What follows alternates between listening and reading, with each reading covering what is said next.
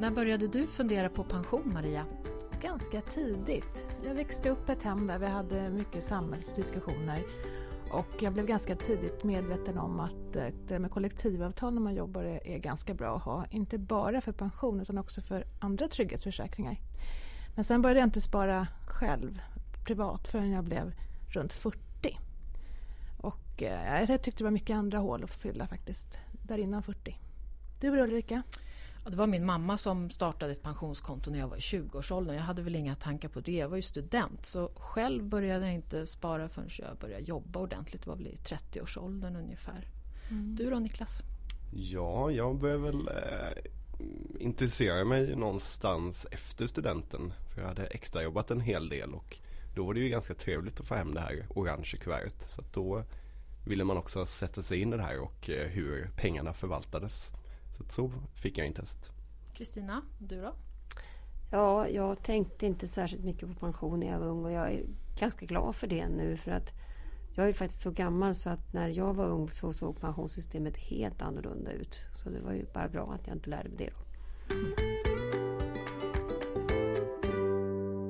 Välkommen till min pensionspodden. Idag ska vi prata om varför man ska tänka på sin pension när man är ung, eller ska man det? Vi som gör det är jag själv, Ulrika Loob, som är programledare för den här podden. Kristina Kamp som är pensionsekonom på Min pension. Maria Eklund, jag är kommunikationsansvarig på Min pension. Och så har vi en gäst med oss idag som heter Niklas Svensson från Ung Privatekonomi. Det här är en podd som görs av minpension.se som är en oberoende sajt där du kan se hela din pension. Det du får i ditt orangea kuvert, det du får från jobbet och det du kan spara själv. Om du har frågor eller förslag på saker som du vill att vi ska prata om i kommande avsnitt så kan du mejla dem till podd minpension.se. Niklas Svensson från Ung Privatekonomi, vad pysslar ni med? Ja, eh, först och främst tack för att jag har fått komma hit. Eh, otroligt kul att sitta här med er i den här podden. Eh, jag är verksamhetschef för Ung Privatekonomi och vad vi pysslar med är helt enkelt att vi är ute på gymnasieskolor och föreläser för elever om privatekonomi och sparande. Så att i det här finns det ju en del som är just pension. Så vi har nio föreläsare runt om i landet och förra året så träffade vi nästan 25 000 elever under ett läsår.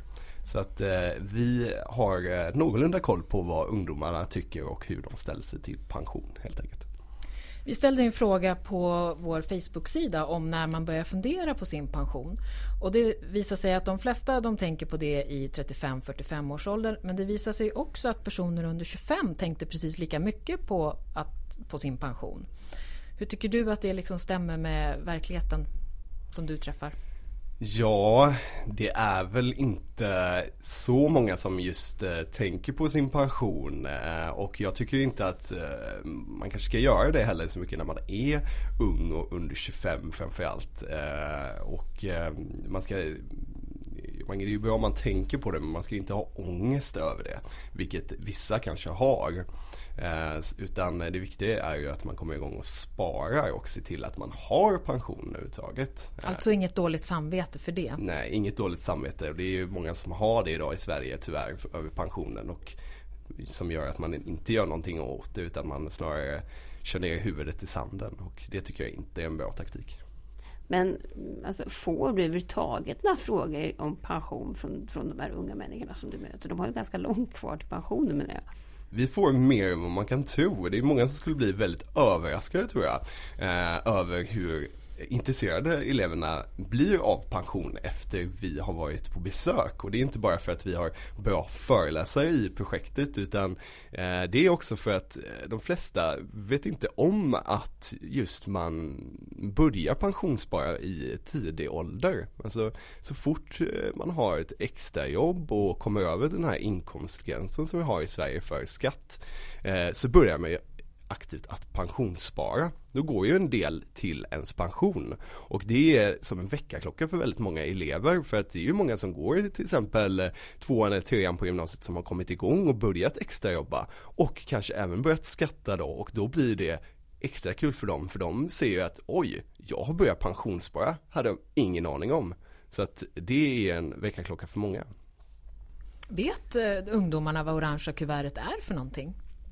Ja, de har väl hyfsat koll på det i alla fall. De har ju sett det. De har ju sett någon reklam kanske från Pensionsmyndigheten på våren och eh, de har väl kanske varit i kontakt med det eh, genom att deras, föräldrar har fått det. Eller så har de själva fått det genom att de har extrajobbat. Eh, så att de har ju koll på just eh, vad det är. De har ju sett kuvertet men de kanske inte har koll på exakt vad innehållet är. Alltså just att det visar den allmänna pensionen och att man ska få en överblick över vad man har sparat ihop hittills. Så att vi försöker ju mycket eh, banka in i dem, om jag ska få uttrycka mig så hårt, att de ska, just när det här kuvertet kommer hem, att de ska öppna det och kolla lite, vad är det egentligen som står och eh, hur ska jag ta ställning till det här och sen då efter det här kunna logga in på minpension.se och få en samlad bild över pensionen. Det är ju jättebra att ni säger just att det har en koppling till att man deklarerar, för det tror jag inte är så himla många som förstår. Men sen finns det ju det här med tjänstepensionen också.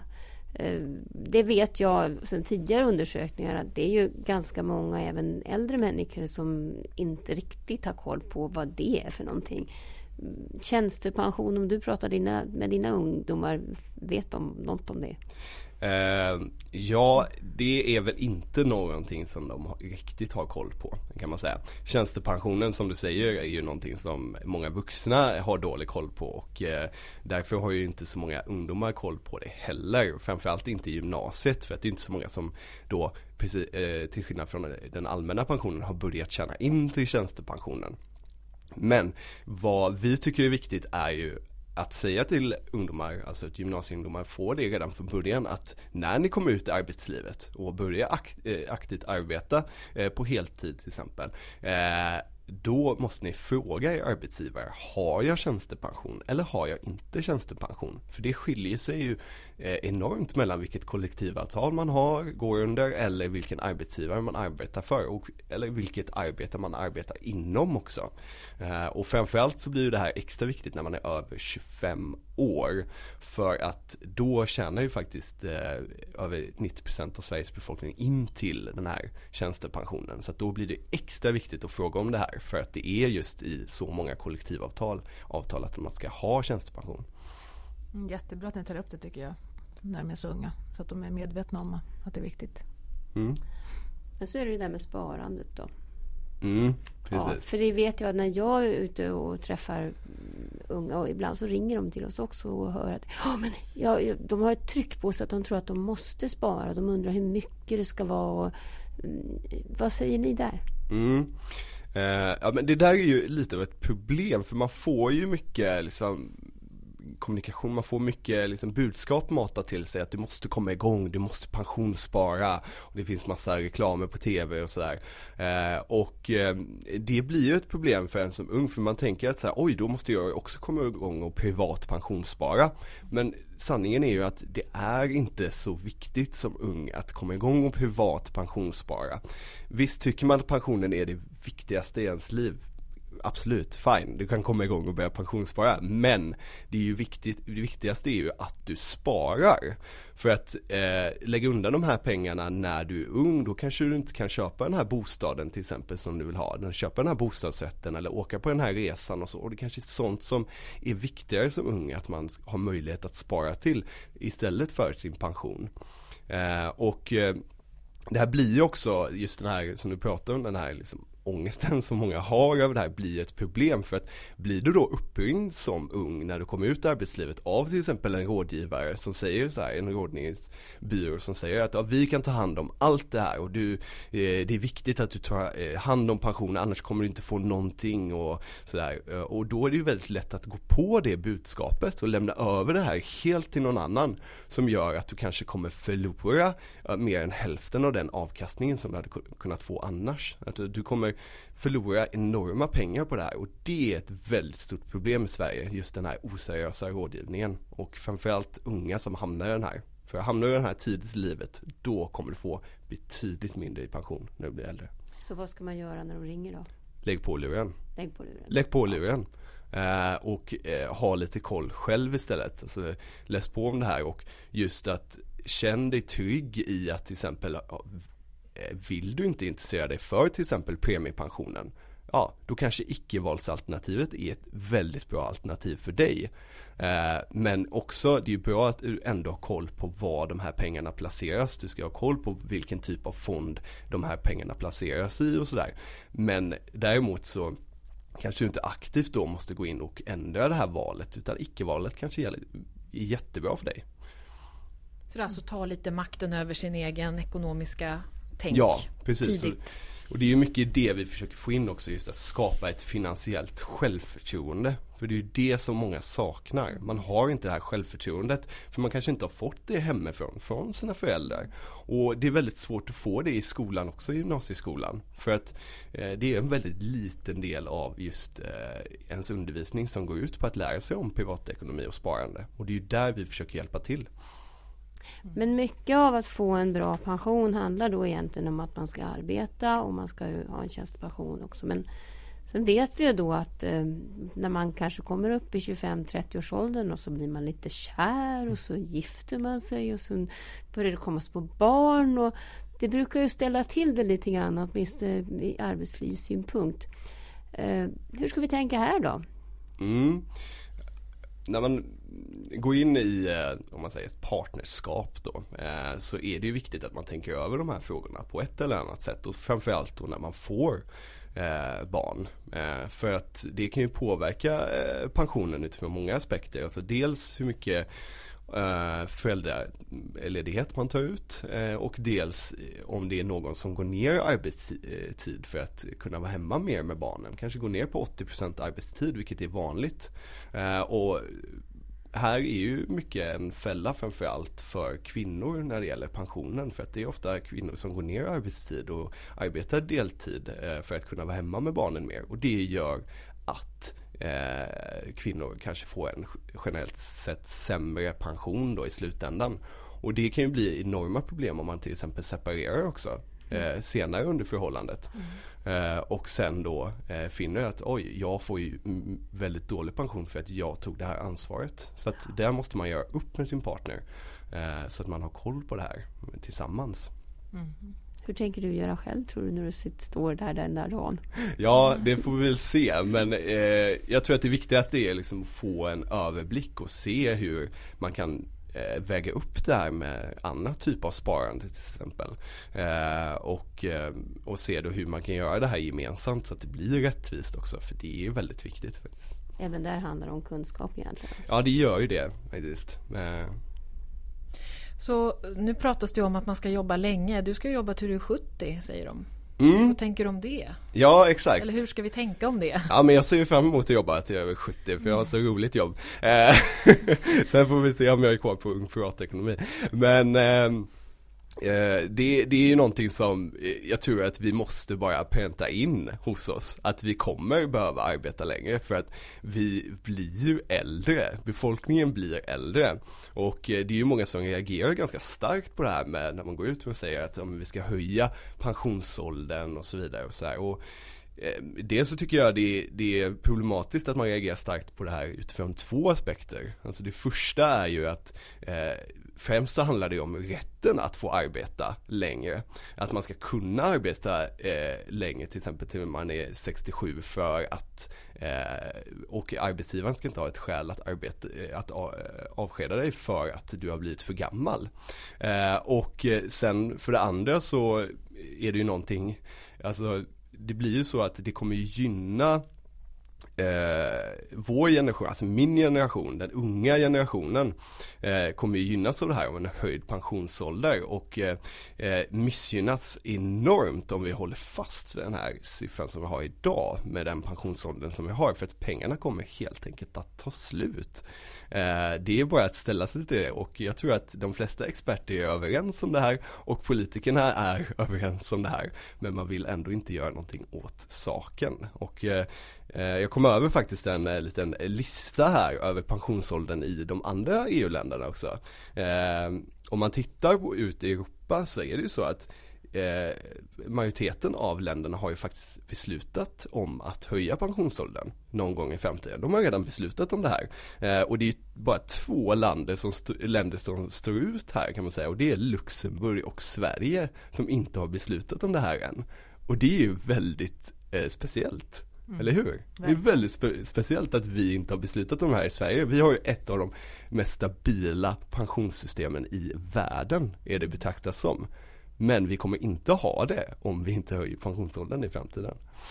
Och det kommer gynna den unga generationen något fruktansvärt och vi kommer missgynnas något fruktansvärt om vi inte höjer den. Jätteintressant. Men vad skulle du sammanfattningsvis nu säga då att man som ung ska göra kring pension och sparande? Eh, ja, som ung ska man helt enkelt, alltså det viktigaste är ju att man ser till att man jobbar vitt. Man ska inte jobba svart och att det är helt okej okay att komma över den här inkomstgränsen för att betala skatt. För att det är ju kanon om man kommer över den här för då börjar man pensionsspara.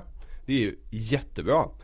Och sen det andra som man ska se, se till är att komma ut ja, så tidigt som möjligt i arbetslivet. Det är ju väldigt bra eh, råd. Att eh, just ta extrajobb och så här, och komma ut tidigt. Och, eh, och sen det eh, tredje och sista är ju då att helt enkelt fråga sin arbetsgivare. Har jag tjänstepension? Eh, och framförallt då när man kommer upp i åldern och framförallt när man är över 25 år. Men man kan även fråga tidigare om man har tjänstepension.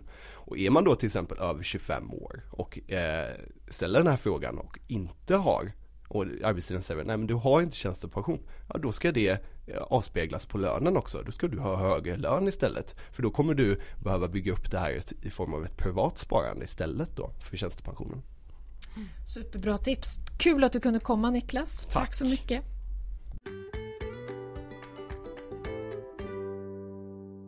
Det har kommit ett nytt tjänstepensionsavtal för de som är statligt anställda. Det heter PA16. Vad innebär det här, Kristina? Ja, statligt anställd, det är man ju om man till exempel jobbar på en myndighet eller som polis eller ibland lärare på högskolor, till exempel universitet är också statligt anställda. Och då har man alltså ett kollektivavtal som bara berör just den gruppen och det är ungefär 250 000 personer i Sverige. Ehm, och nu har man förhandlat om, för det här är ju ingenting som politikerna bestämmer över det här, utan det här är ju en tjänstepension. Ehm, och det som, den som främst berörs av det här som heter PA16, alltså pensionsavtal 2016, det, det är konstiga förkortningar i den här branschen. Ehm, det är ju de riktigt unga som kommer in i staten. Det här gäller för de som är födda 1988 och senare. Och därför kan det vara bra om man är ung nu till exempel och får ett sommarjobb inom ja, någon kundservice hos en myndighet eller någonting.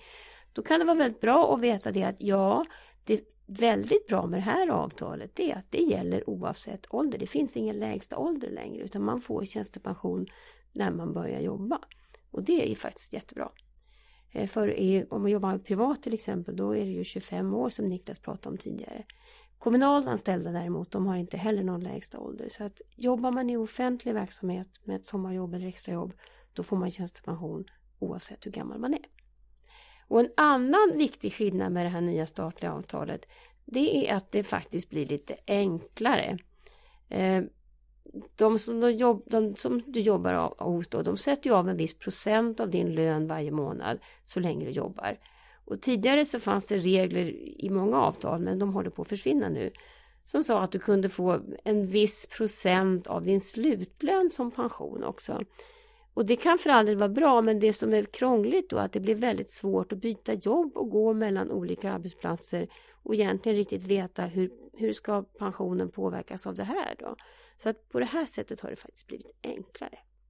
Så PA16, statligt anställda, ingen lägsta ålder och bara premiebestämd pension hela vägen. Det finns de som inte vågar öppna sitt orangea kuvert och varför vågar man inte det? Det ska vi prata om nästa gång. Det här är en podd som görs av minpension.se som är en oberoende sajt där du kan se hela din pension. Orangea kuvertet, det du får från jobbet och det du sparar själv. Vi som pratat i podden är Kristina Kamp, Ulrika Loeb, Maria Eklund och vår gäst Niklas Svensson. Klipper gör Fredrik Kamp, tekniker var Patrik Boström. Kontakta oss gärna på podd minpension.se och vi finns på Twitter och Facebook också. Hej då! Hej då!